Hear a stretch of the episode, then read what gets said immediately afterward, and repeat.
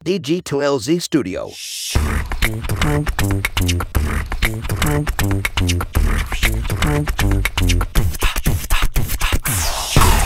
Selamat pagi, siang, sore, atau kapan pun waktu yang teman-teman uh, pakai untuk mendengarkan podcast ini. Kembali lagi bersama saya Panji. Dan kali ini sudah bersama saya adalah uh, Safa, Safania Romas. Uh, beliau adalah uh, energi system designer di sebuah tech company, salah satu tech company terbesar di Amerika Serikat dan juga saat ini lagi ngerunning uh, nanti kita akan bahas ya bisnisnya yaitu collectively sosial. Halo sama apa kabar? Halo Panji, baik. Apa kabar? Ya baik juga, alhamdulillah baik. Dan mensayangkan saham. Jadi kita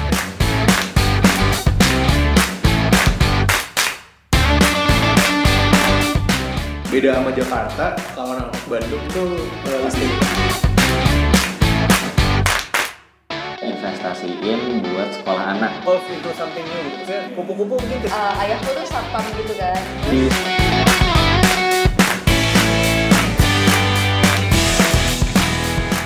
Tadi bener ya perkenalan aku ya kamu uh, kerja sebagai energi system designer dan juga lagi ngerunning bisnis uh, collectively sosial gitu. Dan dua-duanya base di Amerika. Eh, kalau collectively social, ya belum best di Amerika mungkin, tapi Mhm. mungkin best in Baltimore uh, City. Oke. Uh, tap, kalau energy, jadi aku sebenarnya uh, full time energy system designer uh, di salah satu tech terbesar di Amerika. Um, on the side, I have my side company, um, kind of like a side hustle, namanya Collectively Social yang uh, bergerak di bidang digital marketing services. I see. Eh, mungkin kita akan ngebahas eh, dua hal tersebut ya, tapi eh, aku pengen tarik mundur dulu gitu. Eh, kamu kan orang Indonesia, tapi sekarang bekerja, berkarir, dan juga entrepreneurship di US kayak gitu ya. Spesifiknya di Baltimore ya berarti ya? Iya, aku sekarang tinggalnya lebih di Columbia, uh, Maryland. uh, tapi kalau sebenarnya sih eh, work from home Oh, iya. kalau sekarang. Iya, jadi work from anywhere. Yeah, I can do that too. Oke oke. Nah, a- aku pengen tahu eh, bagaimana kamu bisa eh, sampai tinggal dan berkarir di sana. Apakah sebelumnya memang keluarga eh, di sana atau eh, lahir di Indonesia atau bagaimana? Mungkin mungkin bisa diceritain backgroundnya gitu sedikit. Hmm, boleh. Sebenarnya panjang banget nih. Ah, Uh, aku sebenarnya lahir, jadi uh, awal aku lahir di Jakarta, tapi uh, keluargaku pindah ke Singapura uh, waktu uh, 2008 krisis 2008 2008. Jadi pindah ke Singapura dan menetap di sana sampai sekarang. Uh, Oh. Semua keluargaku masih di Singapura, cuma aku doang yang di sini sendiri. Uh, waktu um, 2012 aku pindah ke US untuk kuliah. Jadi awal mualnya tuh kuliah dulu, terus kuliah uh, aku kuliah di bidang chemical engineering, tapi lebih ke tepatnya um, environmental. Jadi itu lebih ke branch environmental engineering Hmm, di uh, namanya University of Maryland, Baltimore County. hmm. Um, terus lulus dari kuliah, um, dapat namanya kalau di sini tuh ada namanya PTO. Jadi itu vi- visa kerja. Uh, kalau sebenarnya kalau STEM, kalau um, major kamu STEM, Science, Technology, Engineering, and Mathematics itu dapat visa kerja langsung tiga tahun. Nah, aku dapat PTO itu, jadi aku um, setelah lulus kuliah dapat visa kerja selama uh, tiga tahun. Nah, uh, visa kerja tiga tahun itu kalau benar-benar uh, soalnya kalau di Amerika ini sebenarnya kalau apa pun yang anything related to STEM, uh, it's gonna be easy for you to find a job. Jadi um, itu salah satu tips sih kalau uh, you know kalau misalnya mahasiswa-mahasiswa di Indonesia yang mungkin lagi pengen cari-cari kerja di US kalau mereka STEM dan uh, ada skill segala macam trust me it's gonna be easy for you here Hmm. untuk find a job um, terus um, ya sampai sekarang lah aku kerja uh, kalau collectively social itu mulainya 2019 sebelum pandemic Nah, pas pas pandemic itu jadi booming karena kan orang-orang bisnis bisnis small businesses pindah dari uh, um, offline ke online. Nah, mereka butuh banget nih um, uh, service-service digital marketing, uh, terus kayak social media. Mereka butuh bantuan karena jujur mereka tuh sebelum pandemic kan semuanya um, customer-customer mereka tahunya dari namanya brick and mortar. Mereka ada brick, brick and mortar Hmm. Dan tahunya pasti dengan jalan-jalan, uh, word to mouth. Nah, selama pandemic, they have no choice to go online. Nah, mereka butuh butuh butuh um, help dari collective social hmm. untuk kayak market dia punya uh, bisnis. Nah, pas pandemic sebenarnya tuh collectively social booming banget. Hmm. Karena itu, jadi um, ya yeah, until now uh, I'm doing really well. Oke oke. Okay, okay. Ya mungkin nanti aku akan sedikit apa atau banyak mungkin ngebahas masalah collectively sosial ya karena uh, aku tahu aku juga melakukan atau sering ngisi uh, kelas gitu ya untuk teman-teman UMKM di Indonesia bagaimana digitalisasi produk mereka karena aku sendiri kan bergerak di bidang uh, aku background uh, engineering sebenarnya Eh, oh. teknik fisika. Kalau kamu dari teknik kimia atau lebih spesifik turunannya dari teknik lingkungan, aku di teknik fisika. Tapi aku oh. juga agak nyebrang dan uh, lebih banyak di digital dan di IT lah seperti itu. Uh, nanti aku akan akan tanya tanya uh, juga terkait dengan uh, gimana sebenarnya market Amerika ya kalau terkait dengan internet marketing atau digital marketing. Cuman sebelumnya aku tadi tertarik terkait dengan background background kamu bahwa oke okay, keluarga di Singapura 2008 pindah ke Singapura dan kamu 2012 uh, memutuskan untuk pindah ke US untuk menempuh kuliah teknik kimia lah ya chemical engineering. Nah, itu Tuh. yang mendasari apa ya? Apa karena memang oh, gue dari SMA uh, eh, jago science gitu. Terus gue pengen ke Amerika, gue nyari jurusan yang susah gitu loh. Bukan bukan yeah. bukan bukan bukan yang kayak bisnis atau misalnya komunikasi atau kayak gitu. Kamu malah ambil uh, ya engineering gitu. Uh, dulu jujur waktu SMA aku tuh nggak um, tertarik, nggak ngerti apa-apa ya. Jadi aku ke aku cuma tahu satu aku mau tinggal di Amerika dan mau oh. jauh dari orang tua. jadi biar ada pengalaman. Jadi uh, dulu aku tahunya tuh cuma itu aku mau tinggal di Amerika, mau sekolah di Amerika dan mau ngambil banyak pengalaman dari um, uh, teman-teman dan mau dapat kayak teman-teman orang orang Amerika. Yeah. Nah pas pindah ke Amerika, uh, papaku tuh papaku engineer, jadi oh. dia um, suggest kayak uh, kalau misalnya aku mau ke Amerika karena menurut menurut beliau sekolah di Amerika tuh mahal dan kalau misalnya untuk kayak jurus ikut jurusan bisnis atau yang lain-lain menurut dia tuh it's a waste of money. Hmm. Jadi uh, kalau dia mau sekolahin aku ke Amerika tapi harus engineering. Jadi uh I have no choice. I had no choice. Uh. Jadi aku nggak ada nggak ada pilihan untuk kayak pilih uh, chemical engineering. Sebenarnya sih ada tiga di di di, di kuliah aku ada tiga jurusan uh, untuk engineering itu. Pertama, cuma ada tiga biomedical, um, mechanical sama chemical. Mm-hmm.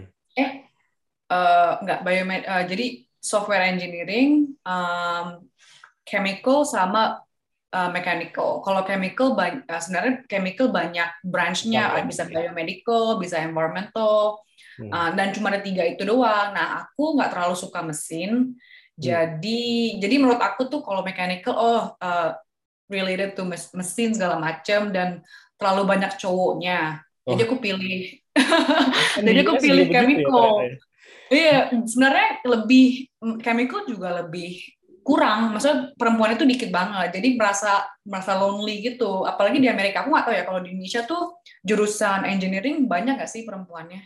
Enggak. Enggak. Jadi, jadi di sini aku... tuh sebenarnya nggak banyak banget perempuannya dan uh, aku kayak merasa, aduh, uh, aku harus milih. Jadi sebenarnya kalau di sini setah, uh, semester pertama kita uh, sebenarnya satu tahun pertama nggak harus pilih mau uh, jurusan apa, cuma ambil kelas-kelas yang menjurus ke engineering. Jadi per tahun pertama aku ambil kelas-kelas engineering, baru tahun kedua pilih mau jadi mau pilih uh, software engineering atau um, mechanical engineering, chemical engineering. Nah, uh, aku bingung tuh pilih yang mana. Jadi aku ya udahlah pilih aja chemical dan jujur susah banget dan merasa menyesal pilih itu karena Hmm. mungkin mes, teknik mesin lebih gampang dibandingkan uh, teknik kimia karena kimia uh, lebih banyak kayak main di lab segala macam kalau uh, teknik mesin kan lebih banyak kayak uh, group project segala macam Uh, dan mungkin juga software engineering lebih banyak prospek untuk bikin project-project Iya. yang keren gitu. Um, tapi waktu waktu pada saat itu uh, lebih banyak kayak teman-teman perempuan aku yang menjurus ke teknik kimia. Jadi aku kayak udahlah ikut mereka aja, nggak mau sendirian di jurusan lain Hmm. gitu. Jadi sebenarnya sebenarnya sih dari dari itu dan uh, uh, dan dulu pengen banget kayak masuk ke bidang um, kerja di oil and gas companies, any oil, oil and gas and companies. Tapi mungkin semenjak lulus pas nyari-nyari kerja, uh, sebenarnya aku nggak dapet uh, jujur nggak dapet kerjaan di oil and gas companies dan uh, kan kalau waktu aku lulus tuh kita kan pilih mana aja ya. Um, um, apply apply mana aja apply semuanya. Dan uh, alhamdulillah yang dapet di company sekarang. Hmm. company-company lain sebenarnya nggak dapet. Malah company besar dapet. Oh, I see, I see. Iya, iya. Eh, berarti tadi eh, awal muasalnya pindah ke Amerika karena pengen cari kuliah di, pengen banget ke Amerika dan pengen jauh dari orang tua, gitu. iya Itu lucu banget sih. Dan terus eh, kuliah, oke masuk ke engineering yang mau di, dibeasiswain orang tua, orang tua maunya engineering, eh, Iya. dan ternyata lebih banyak eh, teknik kimia yang peminat perempuannya seperti itu. Iya. Kalau di Indonesia, aku nggak tahu di kampus lain ya, cuman kalau di kampus aku itu eh, teknik kimia salah satu yang paling sulit sih memang. Aku satu rumpun kalau kalau di fakultasnya tuh Fakultas Teknologi Industri itu ada tiga jurusan, satu teknik fisika, teknik kimia, sama teknik industri. Ada ada tiga jurusan itu gitu. Dan yang kelihatannya yang paling sulit su- sulit adalah si teknik kimia dan memang eh, yang sama mungkin ya behaviornya ya atau demografinya eh, di teknik kimia paling banyak perempuan kalau di teknik fisika tuh satu angkatan aku cuman 20 mungkin dari 100 gitu. Kalau di teknik mesin setahu aku tuh cuman kayak satu angkatan dari 100 mungkin kayak dua orang yang cewek kayak gitu ya. Iya, kimia banyak. Sebenarnya mungkin karena Hampir enggak. lah.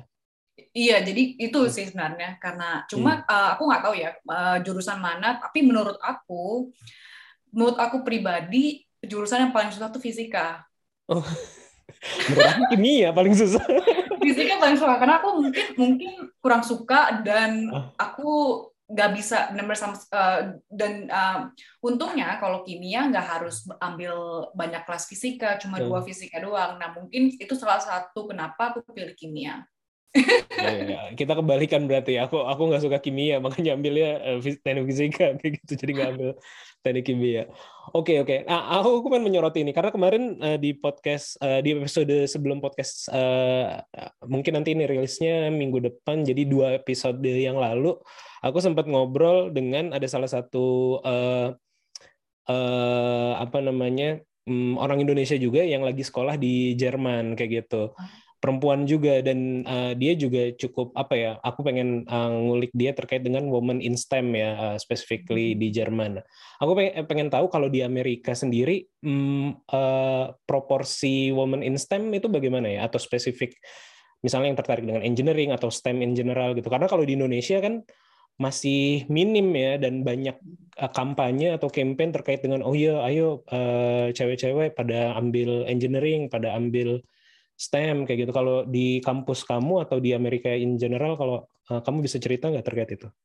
Kalau woman in STEM sebenarnya untuk sekarang uh, jujur masih sedikit, tapi sudah lebih baik daripada sebelumnya. Dan karena mungkin itu juga banyak kampanye-kampanye yang untuk um, ayo uh, perempuan-perempuan um, masuk jurusan ke STEM karena mereka kan bu- bu- butuh diversity, nggak mau kan semuanya kayak Hmm. cowok, mereka butuh kayak sebenarnya uh, diversity itu bagus loh. Jadi kayak misalnya kita uh, di salah satu company dan ada perempuannya dan ada uh, laki-lakinya juga, cuma lebih kayak inovatif kalau misalnya ada pikiran dari salah satu perempuan juga, nggak semuanya uh, laki-laki. Jadi mungkin salah satu kenapa di Amerika tuh sebenarnya kuat banget kampanye company, kampanye-kampanye untuk uh, perempuan yang terjun ke STEM. Tapi STEM nggak harus engineering, bisa juga kayak science, yeah. um, kedokteran atau enggak um, matematika, uh, mm-hmm. terus juga STEM, teknologi, engineer, ya tekno, uh, tech, tech kayak software engineering segala macam. Jadi nggak cuma nggak cuma engineering juga, tapi bidang-bidang lain juga mereka masih masih terus kampanye untuk um, um, perempuan-perempuan masuk terjun ke bidang ini. Cuma kalau untuk kedokteran, uh, menurut hmm. aku udah terlalu banyak juga sih perempuannya dibandingkan uh, teknologi, engineering, dan matematika. Karena di sini nursing uh, hampir 90%-nya perempuan. Oh. Iya, nursing. Tapi nursing di sini sebenarnya juga susah. Lebih susah menurut aku uh, kedokteran di sini kayaknya sekolahnya panjang kan. Kalau di Indonesia panjang juga nggak? Hmm, ada apa sih namanya ya setelah ada koas sih kalau di iya, oh. nah, jadi kayak ada iya, nah kalau di sini misalnya nurse practitioner tuh empat um, tahun uh, S1 dan mereka harus S2 oh. jadi nursing tuh udah hampir-hampir mirip sama dokter Oh, nursing tuh iya. kalau di Indonesia keperawatan kan ya jatuhnya ya? Perawatan, iya perawatan. Nah di sini perawatan, hmm susah. Jadi uh, 8 tahun nurse uh, lebih ke nurse practitioner. Jadi mereka ada divisi uh, division la lain jadi bisa nurse practitioner atau enggak register nurse cuma sekolahnya lebih susah dan lebih mahal biasanya. Oh. Nah, kalau kedokteran tapi kalau uh, di situ udah lebih banyak perempuan ya, memang ya. Uh, hmm. Secara nature-nya juga kalau di Indonesia kayaknya keperawatan lebih banyak perempuan, perempuan. sih. Uh, iya, Iya, hmm. kalau kedokteran mungkin di sini udah lebih banyak perempuannya dibandingkan um, um, teknologi, engineering, matematika. Jadi kenapa mereka lebih uh, fokus ke um, industri si teknologi ini karena emang perempuannya tuh masih sedikit banget dan uh, menurut aku um, banyak banget sih kayak kayak beasiswa untuk perempuan-perempuan, terus hmm. funding hmm. untuk perempuan-perempuan dan juga kayak um, support system gitu hmm. untuk kayak uh, cariin kerja atau enggak ada juga di sini aku di kalau di kampus aku kita ada namanya itu kayak um, counseling center hmm. untuk perempuan-perempuan di STEM karena jujur um, sekolahnya lumayan stressful dan hmm. uh, perempuan kan lebih kayak misalnya aku dulu tuh lebih kalau misalnya aku nggak dapet nilai bagus bakal kayak sedih banget nangis dan uh, nah dan si counseling center ini kayak help woman in STEM yang kayak ayo kita jangan hmm. sedih kita gini, uh, lebih kayak counseling center tapi untuk specifically woman in STEM jadi hmm. banyak banget resources resources yang sebenarnya menurut aku very helpful in like getting a job in America. Oh, menarik menarik. Aku jadi ada ada uh, ada pertanyaan turunan sih terkait dengan itu. Pertama mungkin yang terkait dengan uh, ini jadi agak lompat ya uh, terkait dengan nursing ataupun uh, industri kesehatan ya di Amerika atau atau uh, kedokteran ya. Kan mm, yang rame banget ya ketika lagi COVID nih 2020 ya. Kalau aku sebagai orang Indonesia yang ngelihat sosial media atau aku suka me, uh, scrolling scrolling di Nine Gag ya kalau kamu tahu. Di Nine Gag gitu kan. Salah satu yang sering disorotin adalah misalnya kejadian di Amerika terkait masalah COVID. Satu uh, uh, apa namanya yang heboh banget. Terutama mungkin di New York ya yang aku sering lihat videonya bahwa kedokteran tuh lagi uh, parah banget. Uh, kekurangan orang dan segala macam kayak gitu. Terus tingkat uh, apa namanya penyebarannya pada awal-awal tuh tinggi banget. Dan juga eh, eh, apa namanya antara orang yang percaya COVID dengan tidak percaya COVID juga cukup berimbang sehingga pemerintah agak perlu effort yang lebih untuk ya eh, kampanye vaksin apa segala macam. Hmm. Kalau menurut pengalaman kamu, apakah itu terjadi juga di uh, area kamu atau in, uh, secara general di Amerika? Karena yang aku tahu kayak kayak terutama yang cukup keras ya kayak di New York yang kayak gitu-gitu kan ya. Uh, Kalau daerahku yang kayak um, Hmm, kedokteran ya. Kayak misalnya kayak nursing nursing kayak kayak kayak mental sorry apa sih tadi pertanyaannya? Ah, kayak apa namanya? Apakah eh, apakah kejadian ketika COVID lagi melanda ya? Apakah eh, sebegitu hektik juga kejadiannya gitu di di daerah kamu kayak Oh sakit penuh, hmm. terus juga eh, kekurangan tenaga medis? Apakah itu terjadi juga gitu? Iya, kalau di tempat aku sebenarnya nggak terlalu separah New York karena New York kan lebih kota padat ya dan Ya. dan orang tinggalnya kan aku lebih di suburbannya Amerika jadi uh, tinggi tapi nggak separah New York, LA dan kota-kota besar lainnya. Hmm. Um, tapi masih termasuk parah sih kita masih harus kayak di uh, di rumah dan Hmm. um, untuk kayak tes um, COVID test itu tuh butuh waktu yang lama dan kadang nggak dapet gitu tapi nggak separah New York atau enggak LA atau SF Hmm, I see, I see.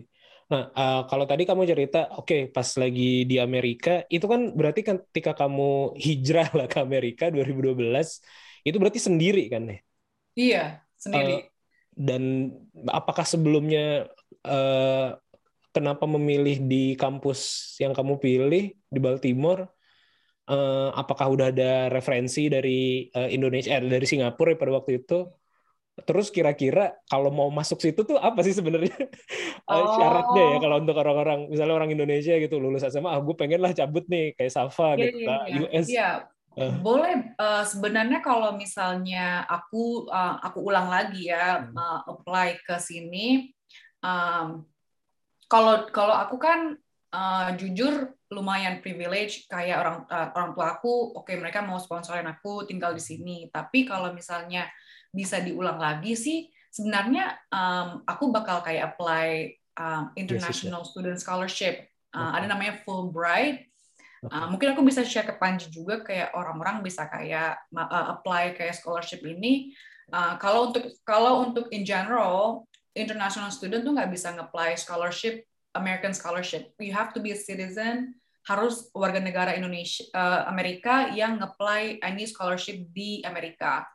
Tapi ada salah satu scholarship yang khusus untuk international. Profesional, oke. Iya, dan uh, aku suka scholarship ini. Aku nggak sponsor sama scholarship ini ya. Cuma menurut aku itu this is a very good resource karena uh, kalian nggak harus pulang ke negara masing-masing. Karena kan uh, kalau misalnya aku pribadi, aku uh, sekolah di Amerika, aku goals aku sih pengen kerja di Amerika. Aku nggak mau pulang Hmm. ke Singapura atau Mhm. kerja di Indonesia. Hmm. Goals aku, aku mau kerja di sini dan menetap di sini, dapat gaji di sini, uh, dan seterusnya. Nah, biasanya kalau dapat scholarship scholarship dari Indonesia atau dari Singapura, ada salah satu requirements yang habis lulus harus pulang. Iya, iya. Nah, scholarship ini namanya Fulbright. Um, dia uh, boleh mahasiswa-mahasiswa kerja di sini, pas lulus boleh cari dapat dapat kerja di sini juga. Nah, itu salah satunya. Uh, kalau aku dulu pindah ke sini, um, awalnya milih milih UMBC, jadi singkatannya UMBC itu karena uh, kita ada kayak family friend yang tinggal deket Hmm. banget di UMBC. Jadi mungkin karena um, aku orang tua aku kan masih kayak aku masih 2012 umur aku tuh masih 17 tahun. Iya, Ke, iya. Pak ke, ke kebayangkan sekarang Iya, umur berapa? Iya, iya. dan masih 17 tahun dan kayak orang tua aku pasti juga mikirnya ini gila banget ya aku kak ngirimin anak aku sendiri ke negara yang nggak pernah uh, waktu itu orang tua aku datang ke sini uh, untuk Bentar. vacation untuk kayak liburan tahun 2012 dan nggak pernah kan ke sini. Dan itu pas ta- tahun itu juga bakal kirimin aku untuk sekolah kuliah di sini tinggal sendiri di sini. Dan nggak tahu lingkungannya sama sekali Hmm. Ah, jadi orang tua aku, em, mamaku ada ada kayak kenalan dulu waktu masih kecil-kecil, tinggal kebetulan tinggal deket banget di UMBC sini dan bisa Hmm. kontrol. Oh, Em, itu sih sebenarnya kayak kenapa milih. Kalau aku sih ya di mana aja boleh lah. Ah, kalau orang tua aku maunya di, mau di UMBC sini dan juga UMBC ini menurut aku karena kan eh, kampusnya kampus kecil, jadi harganya nggak terlalu mahal. Oh, dibanding um, college-college yang lain. College lain itu lumayan mahal dan UMBC ini termasuk yang nggak terlalu mahal dibanding college-college lain. Jadi itu salah satu juga uh, alasan kenapa pilih UMBC. Oh, Dan uh, kalau mau masuk sebenarnya sih um, hmm, apply. Jadi tuh oh pertama harus ambil tes dulu, tes SAT namanya. Uh, SAT kalau karena aku dat- datang dari Singapura, jadi nggak harus ambil TOEFL. hmm. Jadi kan um, kalau mungkin datang dari Indonesia harus ambil TOEFL dan SAT.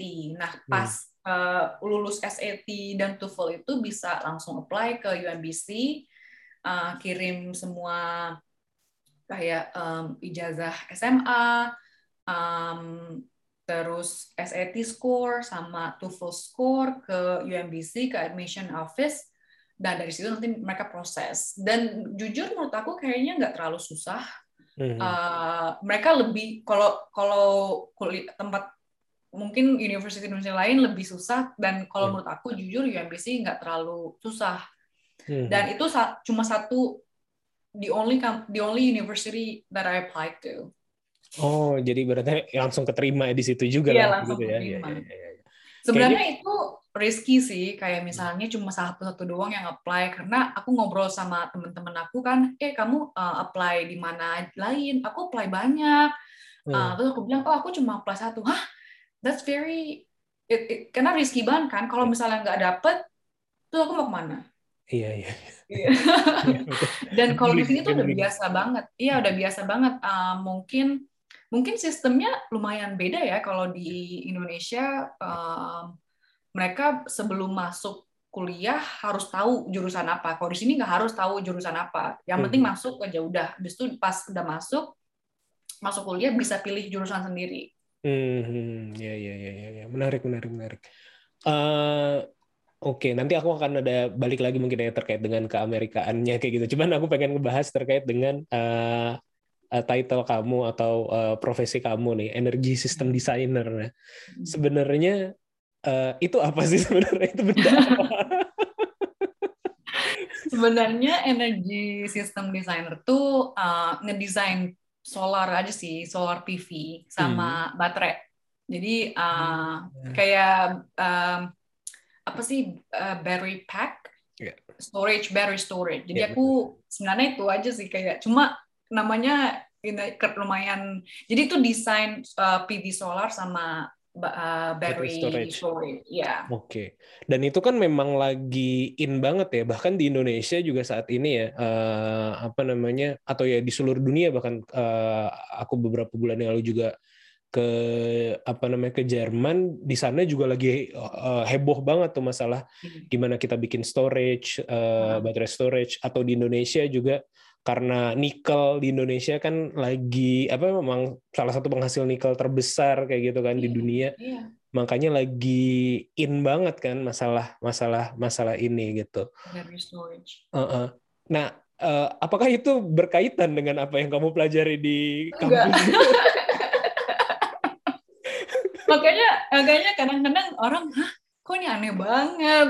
Kayak kayak nggak nggak sama sekali. Karena kan lebih kayak ke elek, uh, elektronik ya lebih electricity Mm-mm. elek- electrical engineering. Hmm. jadi iya nggak sama sekali sih. Jadi semua pelajaran aku yang aku pelajari mungkin kalau matematika iya. Cuma kalau semua pelajaran kimia yang berjam-jam di lab tuh semua I don't use it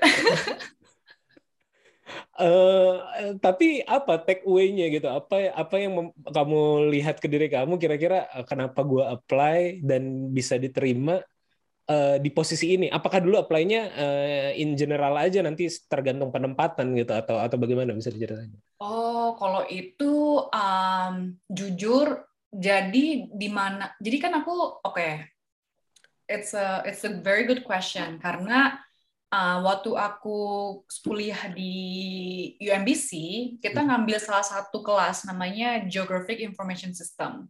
Hmm, Oke, GIS ya, GIS ya. GIS ya, GIS, ya. Oh, GIS. Nah, itu aku suka, eh, kayaknya itu kelas tersuka yang aku, itu disukain. my favorite class, ya, Ya. my favorite class. Uh, dan ada salah satu di mana aku pengen banget kayak jadi GIS analyst. Nggak aku nggak mau kayak jadi engineering aku mau jadi analyst GIS analyst. Dan um, nyari nyari nyari nyari nggak keterima. Dan uh, kalau internship aku udah keterima GIS analyst gitu. Karena aku benar-benar suka geographic information system dan menurut aku bidang itu sangat berkembang di Amerika. Iya, iya, betul, betul. Uh, dan um, tapi karena karena GIS Geographic Information System itu uh, kejurusan sama lingkungan, nah aku juga itu membuat aku kenapa tertarik dengan lingkungan. Hmm. Jadi sebenarnya sih itu kayak misalnya kenapa uh, untuk karena karena mungkin pas aku kuliah aku um, mikirnya uh, aku oh, oh aku bakal kerja di oil and gas nih. Tapi selama aku mikir kayaknya this industry is not gonna be sustainable. Karena banyak bakal banyak banget orang-orang yang mencari inovasi untuk um, save the earth kayak misalnya uh, save the environment. Dan menurut aku oil and gas is not gonna be sustainable. Uh, kayak mungkin terus aku juga lihat um, karena kan uh, aku papaku tuh kerjanya di oil and gas dan aku lihat tuh banyak banget kayak di waktu zaman itu waktu uh, di Singapura orang yang kena laid off hmm. uh, di bidang oil and gas. 2012 lagi Iya, drop 2012, drop banget kan. Iya, lagi lagi lagi iya. ancur ya. Kayaknya masih sampai 2018 kan. Pokoknya hmm. hancurnya hancur banget gitu ya, loh. Maksudnya nggak kayak oh naik-naik gitu kan. Nah, terus aku mikir aduh kayaknya uh, untuk kayak kimia gini-gini enggak enggak bakalan sustainable dan I'm not gonna hmm. get a job if I'm I'm gonna continue like this hmm. so uh, aku jadi aku fokus untuk kayak bidang teknologi analis segala macam dan aku bener, uh, waktu itu suka banget nih sama kelas ini namanya Geographic Information System. Nah di hmm. Geographic Information System ini uh, aku juga belajar uh, tentang kayak uh, coding gitu loh sedikit sedikit banget hmm. kayak Python hmm. terus um, R Oke, okay, iya, R, R, ya, R, data kayak analis ya sebagai data analis. Iya, iya, hmm. analis gitu. Nah, aku lumayan suka dan kayaknya juga waktu itu aku mikir, I think technology is gonna grow dan hmm. itu sih mulai kenapa aku fokusin um, uh, sebenarnya lebih fokus untuk untuk lulus lulus kuliah, hmm. tapi fokusin juga untuk kayak uh, terjun ke bidang teknologi. I see, I see. Jadi, jadi ini ini menarik sebenarnya buat buat aku ya informasi yang menarik ya karena kalau di kampus aku paling nggak atau di Indonesia mungkin secara general kalau orang sudah ambil jurusan misalnya chemical engineering itu sangat minim kemungkinannya untuk uh, satu mata kuliahnya mungkin nggak ada yang kaitannya sama uh, geographic information system karena udah langsung fokus. Kalau kalau yang agak kemungkinan ngambil uh, geographic information system kalau di Indonesia itu ada kayak geodesi mungkin atau kayak geologi yang lebih spesifik ke arah arah sana gitu. Dan banyak juga engineering uh, geodesi engineering ataupun geologi engineering yang yang lulus dan bekerja di bidang tersebut. Tapi ternyata di kalau di Amerika Uh, kalau jurusan aku teknik fisika, memang kita ada sedikit ngoding juga sih, ada belajar oh. ngodingnya juga. Tapi kalau teknik kimia, setahu aku nggak ada sih kalau di kita ya. Jadi Iya. Jadi relatif agak-agak walaupun uh, judulnya teknik kimia, tapi ternyata yang dipelajari cukup general ya, nggak nggak. Iya. Nggak. Jadi kalau di atau ya, itu mata kuliah tambahan atau kayak um, kamu ambil minor ke jurusan lain yang kayak gitu? Enggak. Jadi tuh di Amerika ini tuh uh, sebelum kita lulus kita harus ngambil kelas-kelas kayak um, genet itu namanya jadi kita harus tetap harus ambil kayak sosiologi, okay, iya, iya. psikologi, kelas-kelas umum lah ya. Iya kelas-kelas umum. Nah aku nggak terlalu suka sama psikologi, jadi aku pilih si GIS ini lingkungan. Dan oh. sebenarnya kan jurusan lingkungan kan ada branchnya kan, chemical ada ada ada biomedical, ada chemical, ada environmental. Iya. Nah aku lebih ke environmental dan di environmental ini yang uh, untuk ngambil kelas tambahan uh, bisa ngambil namanya Geographic Information System class dan hmm. aku ambil itu dan pertama kali ngambil itu cuma basic sih kayak Iya. gimana ng- ngatasin ngatasinnya nggak nggak nggak ke ana- uh, analisis nah pas per- kelas pertama sebenarnya aku kurang suka kelas Hmm. kedua aku uh, su- uh, benar-benar suka karena lebih kayak kita develop a project sendiri Hmm. nanti Hmm. kita uh, ngomongin ke kelas ini project aku kenapa aku milih ini jadi lebih interaktif Nah, aku suka Hmm. banget tuh. Kayak sebenarnya aku lebih suka pelajaran-pelajaran tuh kayak gitu, yang kayak interaktif, kayak bikin-bikin project. Iya, iya, iya. Um, uh, nah, ya dari situ, dari situ juga sih. uh, kenapa pilih GIS? Iya, iya, iya. Eh, Itu agak ini juga ya. Aku sendiri kan tadi aku sempat cerita di awal bahwa eh, aku eh, sekarang bisnis gitu, bisnis di bidang IT. Eh, Iya. Sebelum masuk ke produk, dulu kita banyak ngerjain project juga gitu, dengan government atau juga dengan eh, eh, telkom eh, telecommunication company di Indonesia dan kita banyak develop eh, atau bukan develop ya mungkin ya using lebih lebih lebih tepat menggunakan mapping eh, dari eh, perusahaan-perusahaan yang nge-provide eh, apa G- GIS ya Government Information System kayak gitu. Kita pakai untuk eh, bikin peta Indonesia atau bikin beberapa titik sensor.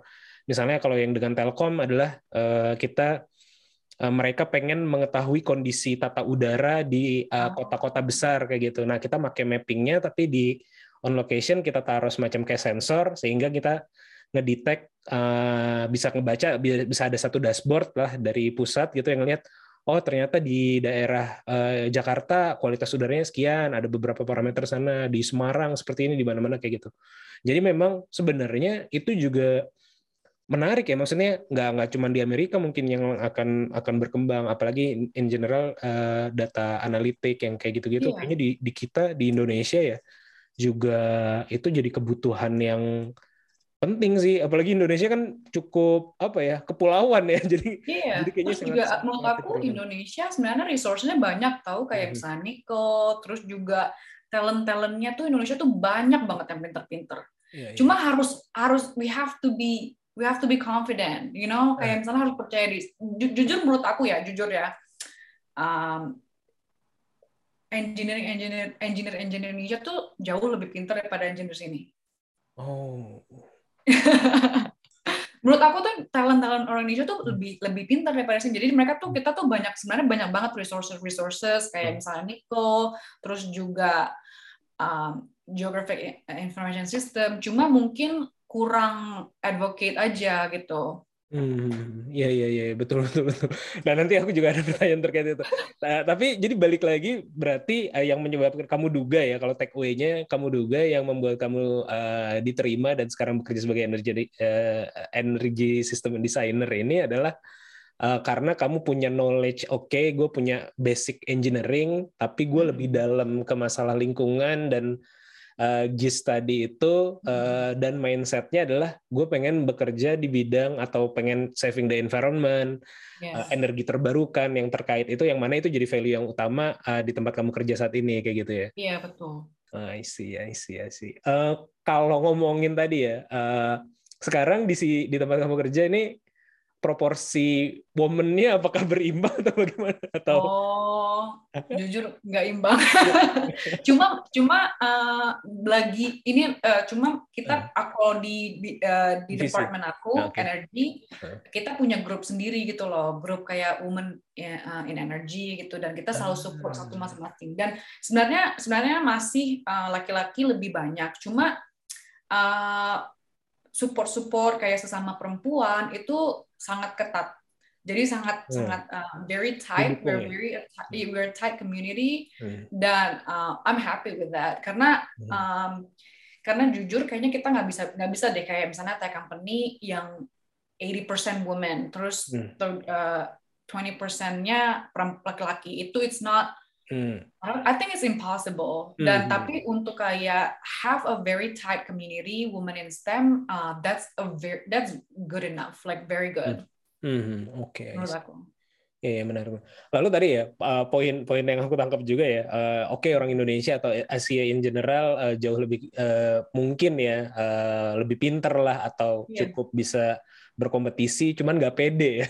Iya, iya. Menurut aku gitu. kurang Menurut aku advocate? kurang kurang advocate yourself gitu loh. Kayak misalnya, uh, tapi ini terpulang bukan uh, individual ya. Mungkin Aha. kayak lebih ke society atau enggak kayak kuliahnya dan uh, kalau misalnya tadi Mas Panji bilang kan, kalau sekolah kalau kuliah di uh, Indonesia kan, kalau misalnya masuk kimia semuanya kimia kan. Nggak bisa kita nggak bisa kayak we can't um, nggak bisa pikir yang lain-lain loh. Apa this is what we want. Kayak kita nggak Hmm. bisa kayak oh mungkin uh, there is something that we can leverage gitu loh. Kayak Hmm. misalnya aku kan kimia tapi si GIS ini sebenarnya yang yang yang a career for me. Kimia is not a Hmm. career for me. Dan who knows kayak misalnya kan I didn't know it I didn't know it. Kayak misalnya aku kan nggak tahu kan waktu masuk masuk kuliah kan oh aku kimia nih aku aku uh, fokus mau masuk oil and gas tapi di setengah jalan aku ketemu something yang I'm really passionate about Iya, gitu loh iya. dan um,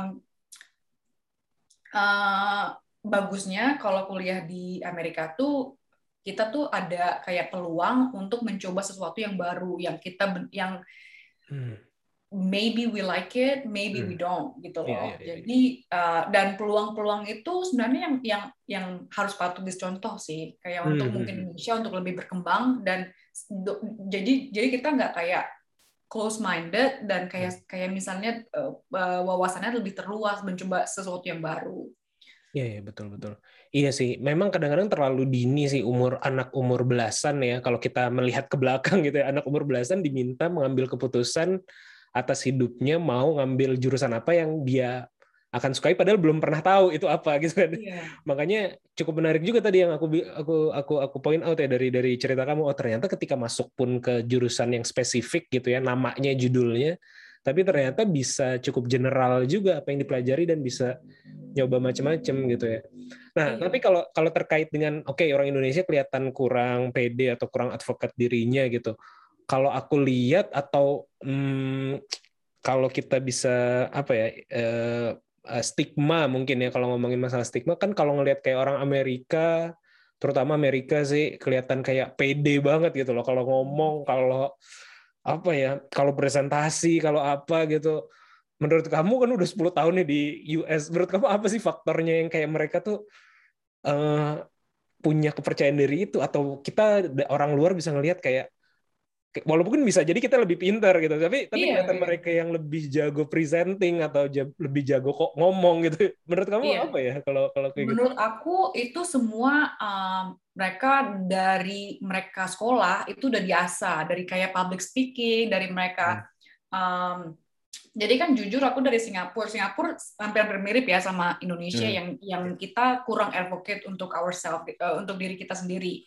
Uh, nah dari menurut aku orang sini tuh dari kayak kita teman-temanan aja ngobrol sama teman-teman aja mereka tuh udah percaya dirinya gede banget kayak setinggi langit gitu loh. Cuma it's nothing kayak it's not a bad thing. It's it's actually a good thing. Kayak Hmm. um, pertama yang tadi aku bilang juga kayak um, dari udah biasa dari pas SM, SMA atau dari SD gitu mereka udah ada uh, dari sekolah dari kayak guru-gurunya mereka ada presentasi-presentasi di kelas habis itu ada group project yang um, membuat mereka harus kayak they force you to speak in front of Hmm. a lot of people Mhm. Um, dan itu juga it was my cultural shock. Kayak aku Hmm. waktu sekolah ke sini, um, I had no clue. Kayak misalnya harus nggak bisa bayangin aku umur 18 tahun, 17 tahun harus kayak presentasi di depan orang banyak, my lecture hall yang aku nggak tahu mau ngomong apa, but I have to do it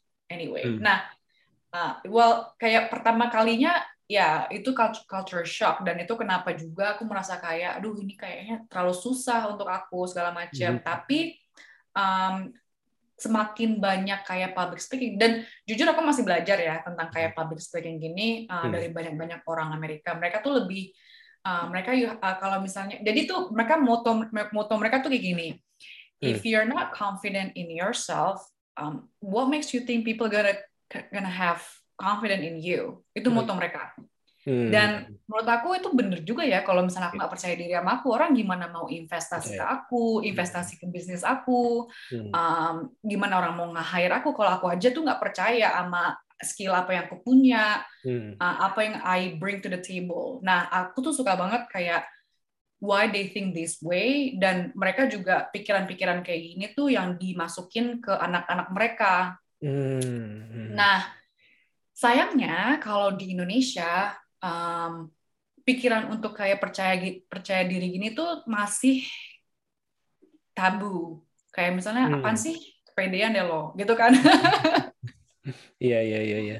Dan kayak masih kayak belum kayak um, nggak tahu ya apa mungkin sekarang udah orang udah makin kayak ayo percaya diri gitu. Hmm. Tapi waktu aku um, tinggal di Jakarta tuh percaya diri tuh masih kayak um, Dianggap aneh lah sama teman-teman. Iya, dianggap aneh kayak it's, it's kejelekan gitu loh. Apa sih uh, kepedean deh lo. Nah, Hmm. it's very it, that word it's Hmm. not a good word. Iya iya iya. That sentence is not a good sentence, Iya iya. iya. kan?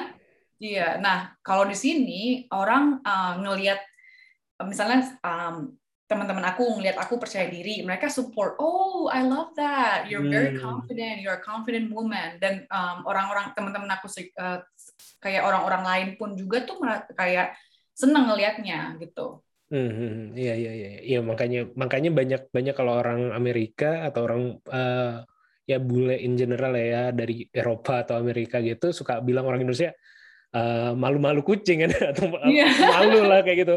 Karena mungkin Iya. budaya mereka udah udah udah biasa untuk apa ya? Present dirinya ya kalau kita kan misalnya kalau di kelas pun tahu jawaban gitu tapi kita malu untuk tunjuk tangan dan eh, rasanya aneh gitu kalau kita Iya. oh, gue tahu nih jawabannya gue pengen tunjuk tangan menunjukkan diri bisa itu bahkan malu kan rasanya kayak gitu ya Iya, ternyata betul. mungkin dari situ ya ininya ya. dasarnya ya Eh, nah aku pengen eh, ngebahas tadi ya eh, collectively so- sosial ya collectively sosial ini eh, kalau tadi kamu sebut semacam kayak agensi marketing agensi spesifiknya digital untuk small business masuk ke dunia digital ya atau internet kayak gitu. Eh ini eh, gimana awal mu awal mulanya nih Eh, kepikiran ide sama temen kah atau misalnya ngelihat hmm, ternyata di daerah kamu banyak yang masih konvensional pengen masuk digital bagaimana tuh? Eh, awal mualnya as- asal muasalnya sih em, dulu aku aktif di Instagram dan suka foto-foto jadi content creator segala macam. Nah, em, ada salah satu influencer company yang em, reach out ke aku em, kalau dia punya kayak tech client, app client gitu aplikasi yang butuh kayak promosi Hmm. uh, dibayar sekian. Aku bilang, oh oke lah lumayan. Uh, follower aku juga waktu itu kan nggak banyak-banyak banget, tapi lumayan lah coba-coba. Terus uh, pas post satu post itu banyak lagi nih uh, brands-brands lain yang reach out to me. Nah, Hmm. mulai mulai dari situ aku bilang, oh social media bisa menghasilkan duit juga ya gitu. Hmm. Uh, walaupun cuma kayak ngepost ngepost doang. Hmm. Terus aku lihat-lihat lagi, aku aku research lagi tentang digital marketing. Dan Hmm. sebenarnya uh, social media is just a small part of digital marketing. Ya, hmm. Nah, aku bilang, oh, but, um, aku ini udah udah mungkin menurut aku soci- dan Instagram is still a small small part of social media marketing. Dan dari saat itu aku aku um, uh, tertarik nih dengan bidang ini digital marketing yang aku um, um, awalnya sih pertamanya social media marketing dulu. Aku Hmm. offer social media marketing for small businesses, Hmm. tapi um, seiringnya waktu aku tambah service email marketing, website design, Hmm. um, terus kayak graphic graphic assistance gitu-gitu. Hmm. Tapi awal muasalnya dari situ, dari social media marketing, terus di add lagi service-service lainnya. Mhm.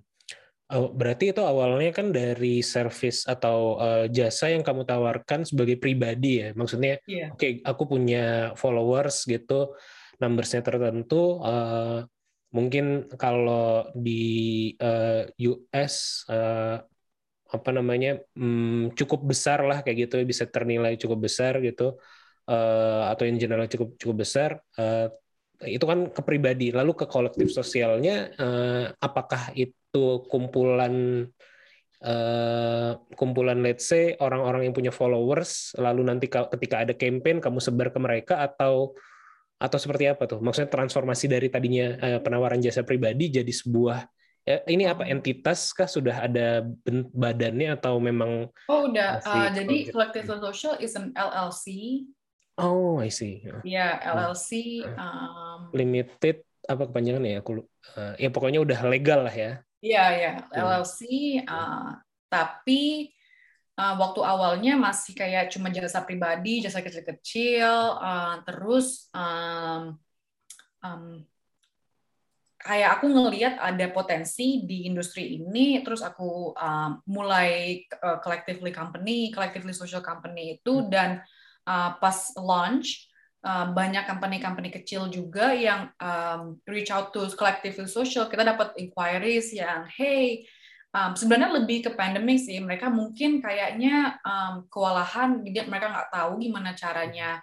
Um, karena jujur, uh, aku kan tinggalnya di Maryland, di sub- lumayan suburb dan um, owners owners bisnis di sini kan masih lumayan old school. Jadi Hmm. mereka waktu pandemic um, ada semua orang harus di rumah, mereka nggak tahu gimana nih harus kayak transisi ke offline jadi ke, ke online dan mereka Mhm. kayak um, uh, mungkin Google search segala macam Yeah. reach out to me hey uh, mau nggak bantuin aku nih um, uh, aku aku nggak tahu gimana caranya buat social media social media nggak tahu aku nggak punya website aku nggak tahu aku nggak punya email marketing nah dari situ aku aku tambah tambahin service aku karena Hmm.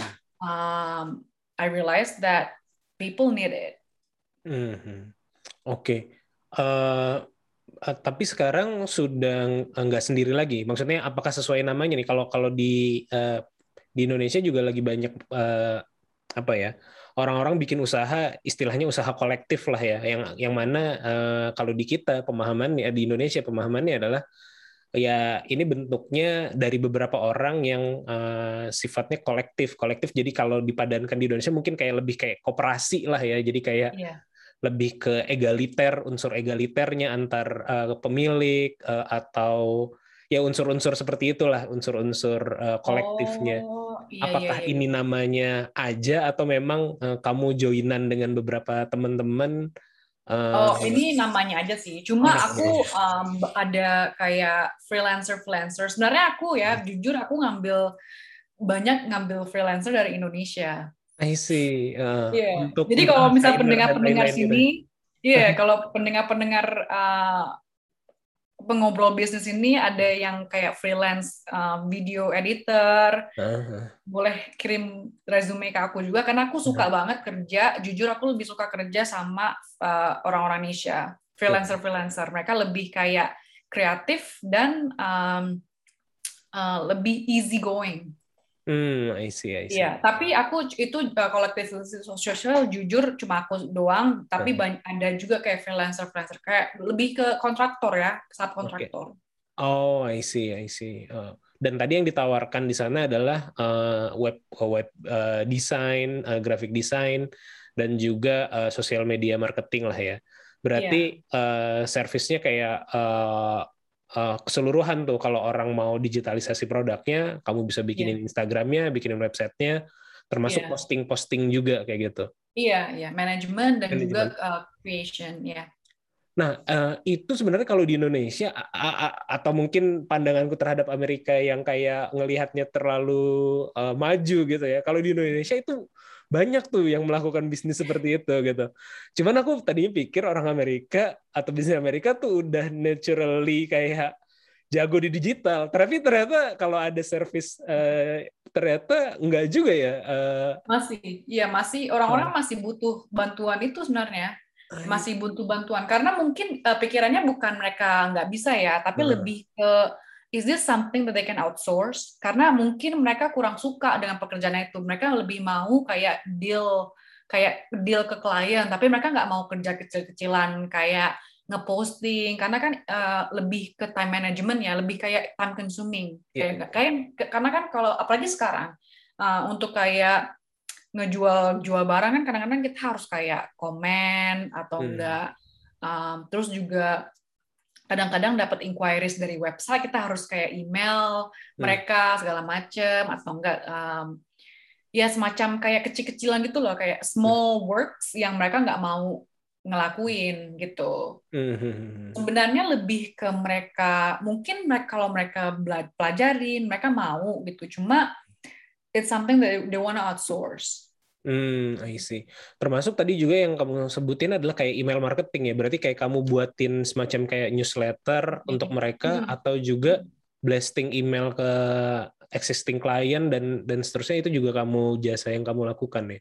iya be- betul I see, I see, I see. Menarik, menarik, menarik. Karena ya tadi mungkin pandangan aku ya. Jadi kayak aku pikir kalau di Indonesia tuh udah udah ba- banyak ya. Maksudnya kayak agensi-agensi eh, jasa posting sosial media, jasa apa bikin desain sosial media yang biar eh, ada temanya yang kayak gitu-gitu kan. Itu itu itu ternyata di Amerika iya laku juga. Kal- Kalau kalau ini ada nggak? eh, tadi kan aku bilang ya, eh, aku juga sering ngasih training. Bahkan baru tadi pagi eh, waktu Indonesia ya, aku ngisi training untuk anak UMKM eh, SMEs dari Jawa Timur, programnya Bank Indonesia ya. Eh, terkait dengan digital marketing secara spesifik, tapi aku bawa materi ter- terkait dengan customer development dan eh, tema mereka adalah onboarding untuk ke marketplace ya. Jadi kayak UMKM gimana diajarin cara jualan eh, di Indonesia kan yang gede adalah kayak Shopee atau Tokopedia yang kayak gitu-gitu. Jadi gimana cara jualan di sana kayak gitu. Kalau di Amerika apakah eh, digital marketing eh, juga masuk kayak membantu eh, SMEs ini untuk ke onboarding ke kayak eh, apa ya yang eh, marketplace yang besar Amazon yang kayak gitu-gitu apakah begitu juga atau uh, build their own website atau their own present on social Oh. media kayak gitu lebih banyak ya. Iya, kalau uh, di Amerika Hmm. uh, mungkin kalau untuk masuk kayak kayak UMKM itu kan termasuk kayak small business kan ya. Ya, small Kayak business. misalnya small business, um, mereka untuk masuk ke Amazon uh, mungkin nggak bisa. Oh. Ya, nggak bisa karena kalau Amazon banyak kayak requirements requirements yang uh, kayak misalnya revenue harus gini sekian untuk bisa masuk ke Amazon. Hmm. Uh, kalau untuk itu, jadi kita ada, ada banyak sebenarnya kayak marketplace, ma- Hmm. marketplace. Jadi ada Amazon, ada Etsy. Pernah dengar nggak Etsy? Belum belum belum. Jadi Etsy itu semacam kayak uh, website yang di mana um, uh, marketplace untuk kerajinan tangan. Oh. Jadi orang-orang yang kena- uh, bikin-bikin anything Ya. handmade, kayak Hmm. misalnya shawl atau enggak uh, anting-anting gitu-gitu Hmm. namanya Etsy dan uh, anybody can boleh taruh tempat uh, boleh taruh uh, kreasi di mereka di sana. Etsy ini, ya Hmm. produknya di Etsy ini. Hmm. Ada juga um, selain Etsy, sebenarnya jujur nggak banyak sih marketplace di um, Amerika ini yang karena kan uh, kompetisinya tinggi ya, karena Hmm.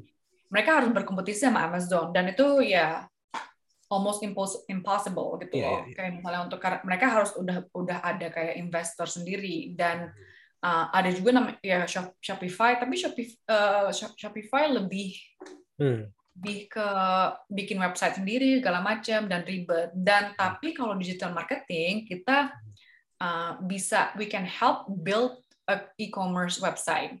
Hmm, Jadi kalau termasuk salah aku, satu iya, jasanya ya. Oke. Iya, jasa satu jasa aku tuh build e-commerce website, Hmm. tapi aku nggak nggak nggak ngasih jasa untuk um, kayak uh, kerajinan-kerajinan tangan masuk ke si uh, marketplace ini. Hmm. Karena kayak mereka mungkin mereka uh, bisa jadi tuh di sini lebih kayak tergantung apa apa produknya. bisnisnya sih. Iya, tergantung produknya apa. Kalau produknya kayak kecil-kecilan, mereka bisa jual di Facebook. Hmm. Gak tau ya kalau di Indonesia jual nggak Facebook kayak gitu. Hmm. Facebook Marketplace.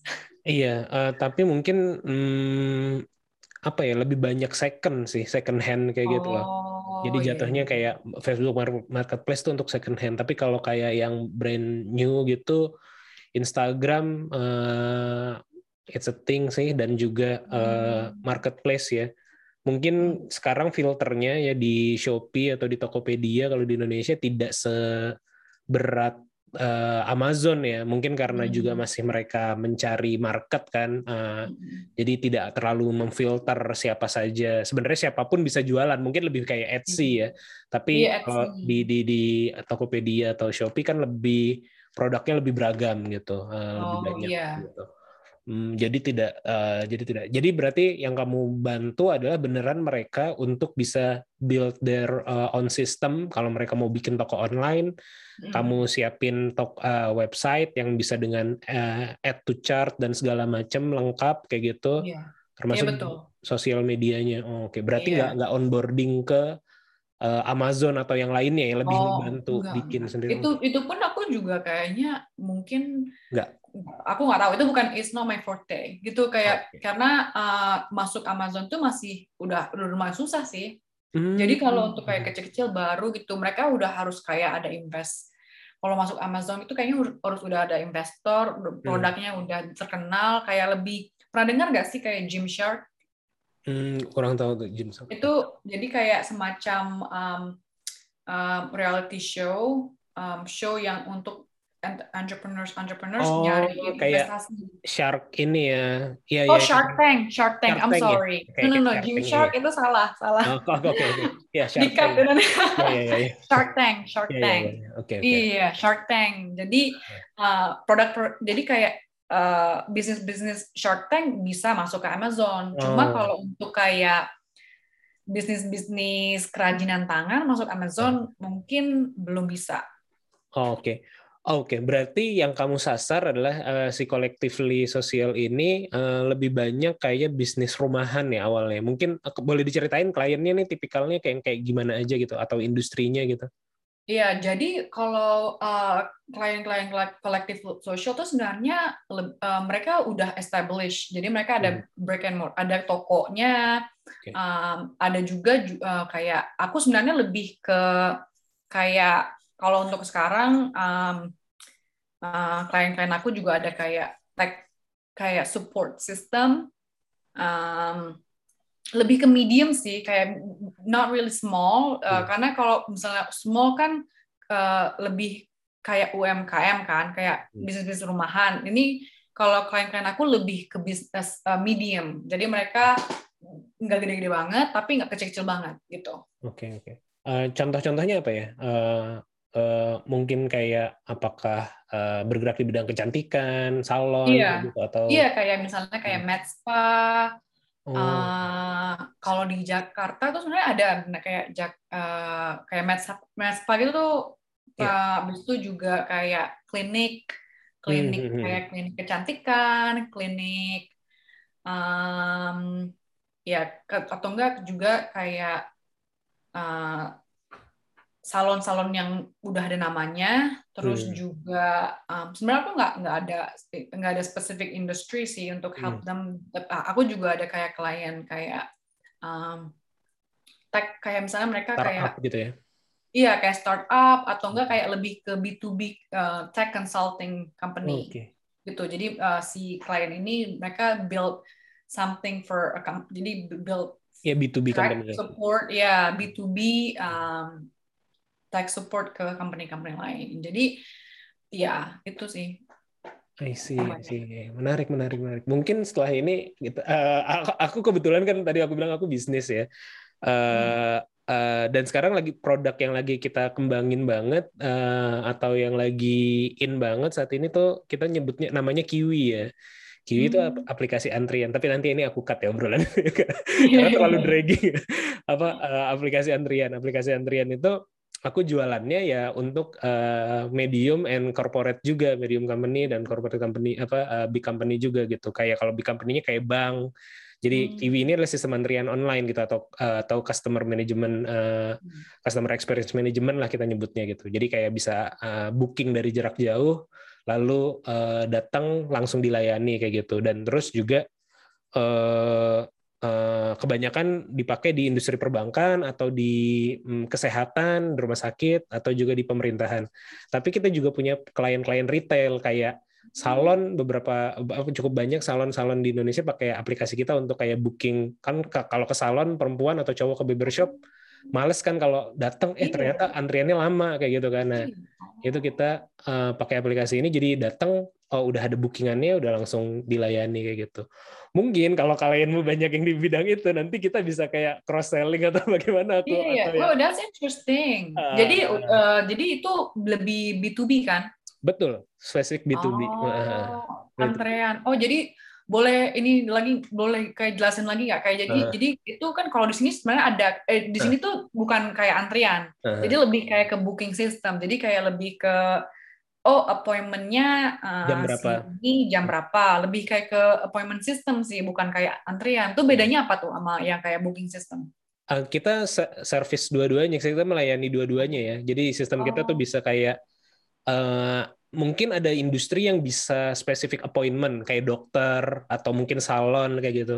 Tapi kayak mungkin kayak misalnya beberapa industri lain kayak layanan publik gitu ya kayak pemerintah kebanyakan hanya melayani walk-in kan. Jadi yang datang duluan yang dilayanin gitu nggak bisa pakai booking. Nah jadi kita nge-serve dua-duanya sih. Lo booking Oh. pakai sistem kita bisa atau ya tergantung si in- bisnisnya mereka mau mengaktifkan fitur bookingnya atau mengaktifkan fitur uh, antriannya gitu jadi uh, mereka mau handle kayak gitu sih jadi hmm, sekarang sih kita lagi fokus ke tadi ya ke perbankan sama karena aku senang jalan-jalan kayak kemarin ke Jerman juga uh, kita nge- sengaja ngejar uh, KBRI kedutaan besar Hmm. Indonesia yang ada di luar negeri kan mereka uh, juga ada traffic ya di sana ada pengunjung Iya.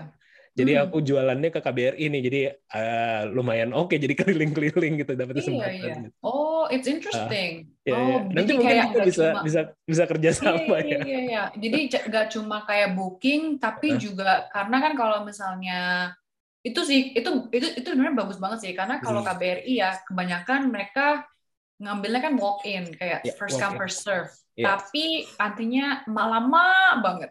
Dan antrinya on the spot. Kalau pakai aku kan antrinya bisa dari rumah gitu. Jadi Oh. aku ambil nomor antrian dari rumah, nanti kan ada estimasi waktunya kan. Oh, Mm. ya ngantri tapi eh, ngan- yang menyebalkan dari mengantri adalah menunggunya sebenarnya kan. Iya, iya betul. Nah, kalau kita efisien. nunggunya ya nunggunya di rumah kan nggak masalah juga ya. Oke, aku akan dilayaninya jam 2 apa aku ambil nomor antrian nomor 20, nomor 20 dilayaninya jam 2, ya sampai jam sampai jam setengah dua aku masih di rumah dulu baru berangkat kayak gitu kan. Oh, ini sebenarnya ya kayak gitu tuh Hmm. bagus untuk restoran-restoran di sini tahu. Hmm. Soalnya restoran-restoran di sini tuh uh, oh ka- nggak tahu kenapa sekarang mungkin karena orang bosen di rumah. Hah? Jadi sekarang tuh restoran-restoran kayak kemarin aja aku pergi ke satu restoran di dekat rumah. Hah? Waiting waiting uh, kayak suruh nunggunya tuh satu jam. Itu udah di situ. Hmm. Dan kayak misalnya what it's it doesn't we can uh, it- itu sangat tidak worth it. ya ya ya betul betul betul ya ya ya. itu belum belum terlalu sih kalau di aku ya tapi kita juga ya bisa sih sebenarnya mungkin nanti kita bisa explore lebih Iya. lanjut jadi ngebahas jadi ngebahas itu Iya. Oke oke oke. tadi balik lagi sedikit ya eh, ke kolektif eh, collectively sosial. Cara kamu nge-reach out klien bagaimana eh, selama ini? selama ini mereka um, uh, reach out to me first. Jadi um, aku uh, jadi tuh uh, aku mereka tanya ke aku, hey aku ada gini, aku mau misalnya mereka mau bikin logo, mau bikin branding, mereka reach out to me first, send inquiries on on a website.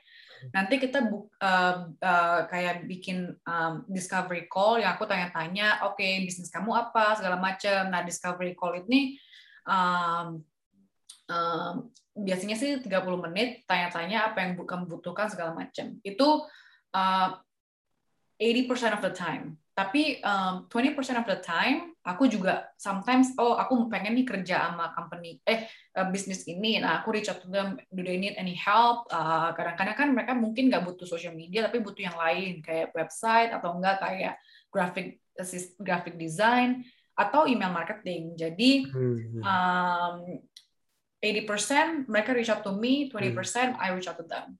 Hmm, ya, ya, ya, menarik, menarik, menarik. Eh, ini sifatnya atau modelnya eh, partnership yang eh, bagi bisnis kamu eh, recurring nggak atau misalnya apakah sekali deal putus atau misalnya kayak ini Oh. langganan sekian bulan kayak gitu Retainer, ya. Oh, retainer ya. Retainer, ya. Hmm. Jadi eh, lebih kita ada kontrak sih ada kayak tiga bulan kontrak, enam bulan kontrak, sampai setahun kontrak. Hmm. Uh, dan harganya juga uh, Beda-beda, beda-beda, tapi uh, they're mostly retainer kecuali um, kayak bikin website mungkin sekali ya atau kayak consulting Iya, kayak sekali. bikin website, bikin branding tuh sekali. Cuma Hmm. uh, kalau untuk kayak email marketing atau enggak uh, kayak Sosial media. social media itu retainer. Oh iya ya, enak ya bisnisnya berarti ya cukup eh, cukup rutin lah kalau udah Iya. dapat. Nggak, nggak, nggak pusing kan? Iya iya iya. Jadi customer baru. Iya iya iya. Sekarang udah handle berapa banyak eh, customer atau klien eh, yang dimiliki? Ah, kalau eh, kalau dibilang udah, aku mungkin hampir eh, ada 15 mungkin, Hmm. 15. Ya, 15 Hmm. kayak companies. 15 company dan hampir semuanya recurring kayak gitu atau re- Retainer, ya. Ya, Oke ya itu ya lumayan lah ya. Apakah Iya, nanti Nggak mau banyak-banyak juga. Kalau kalau Iya, banyak-banyak betul. juga, kitanya jadi nggak fokus ke si klien ini. ya ya ya. Ya. Apakah apakah nanti ke depannya kamu membayangkan diri kamu eh, berhenti Oh. dari pekerjaan dan fokus ke ah, atau itu mungkin- something yang mungkin enggak kali ya. mungkin ya ya karena ini kecuali hustle lah ya, kecuali kayak misalnya something big happen yang orang mau beli se mm-an gitu ya boleh lah. For now no. ya ya ya ya. Oke oke oke menarik menarik menarik.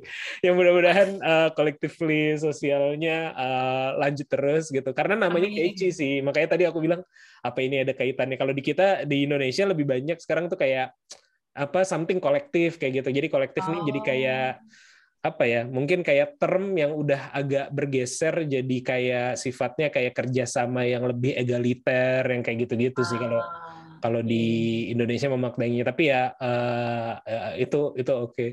Nah, eh, aku ingin sedikit balik sedikit tadi ya pertanyaan terkait dengan kan kamu pindah ke Amerika lalu memulai karir eh, sekolah, memulai karir bahkan sekarang mendirikan bisnis juga di sana gitu. Hmm. Tadi kamu bilang oke aku pengen banget ke Amerika nih ketika lagi lulus SMA atau apa. Hmm. Ini apa penyebabnya?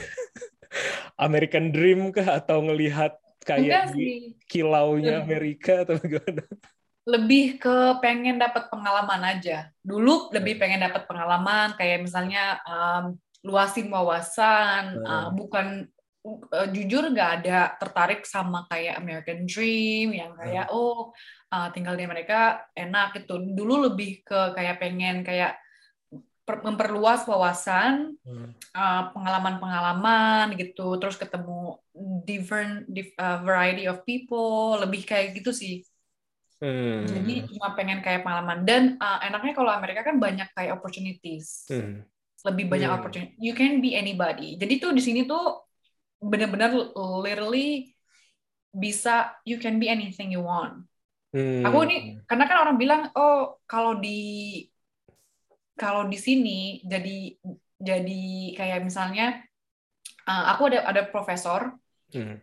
dia uh, research di uh, jadi kayak dia ada research di burung kayak Hmm. bu- burung Iya. watch bird gitu. Hmm. Kalau di Indonesia kayaknya nggak dapat duit deh kayak gitu kan nontonin burung gitu. Terus kayak misalnya take notes burung ngapain gitu nggak kan kayaknya. Nah di sini tuh make money.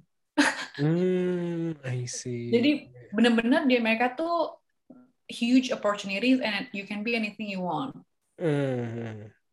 Dan sekarang udah 10 tahun berarti ya, hampir 10 tahun eh, happy dengan keputusannya pada waktu itu sekarang uh, ya kayaknya udah akan Uh, jadi settle ya mungkin ya. Iya, ya happy, ya happy sih happy. Dan uh, everybody here is nice. Uh, Hmm. dan jujur ya, uh, orang Amerika tuh sangat hampir bersama loh sama orang Indonesia. Jadi mereka kita lebih kayak nongkrong-nongkrong, ngobrol-ngobrol, lebih ra- ramah. Iya, bener. Uh, Kalau nggak tahu ya kalau di New York, uh, karena kan kota. Kalau di tempat Iya. aku tuh hampir mirip. Jadi kayak orang nongkrong-nongkrong, duduk-duduk, ngobrol-ngobrol, terus um, bantu sesama gitu. Hmm. Jadi tuh kayak lingkungannya tuh hampir-hampir mirip sama Indonesia sebenarnya. Jadi Hmm. um, ya nggak lah ya. sih. Iya, jadi orangnya ramah dan selalu gampang dapet temen. Oh, kalau ini nih terjadi juga nggak ya apa? Hmm, ya tadi lagi-lagi aku ngelihat Amerika mungkin terbatas yang kota-kota besar ya. Kan yang lagi tinggi mereka mereka tuh masalah kayak uh, Asian ha- hatred kayak gitu-gitu ya, uh, Oh, iya. kebencian terhadap orang Asia. Apakah di daerah kamu atau kamu sendiri mengalami gitu? Ah, jujur aku nggak mengalami sama sekali. Uh-huh. Sebenarnya aku nggak nggak pernah mengalami dis- diskriminasi atau Uh-huh. enggak. eh, jadi selama aku di racism gitu aku nggak Uh-huh. pernah mengalami. Eh, kalau aku pribadi aku nggak pernah ngalamin. Cuma kalau orang lain aku nggak tahu. Uh, tapi in general ya there there it's a it's a concern. Tapi pribadi aku nggak pernah ngala- ngalamin. Dan uh, mungkin kalau aku bisa suggest juga kalau orang mau pindah ke Amerika bisa pilih tempat-tempatnya jangan uh, mungkin coba cari yang uh, misalnya jangan karena kan kalau kita mikir kan oh I wanna go to New York, Boston yang kota-kota besar gitu kan. Hmm. Tapi coba cari yang lain-lain di sekitarnya ada juga mungkin kayak kota-kota kecil yang can be really good for kayak misalnya prospeknya tuh tinggi gitu. Hmm. Karena nggak Amerika nggak cuma New York, Boston, SF. Um, aku kan lebih deket, aku deket sama Washington DC kan, Mhm. tapi lebih ke suburbannya, ke keluar uh, Washington DC gitu. I see, I see. Iya, iya, iya. Iya sih, aku mungkin ya tadi eh, stigma terhadap Amerika karena film-film Amerika yang sering aku tonton adalah film-film kriminal kan. Iya iya. Main apa segala tiap hari ada pembunuhan nih. Tiap hari ada pembunuh berantai nih.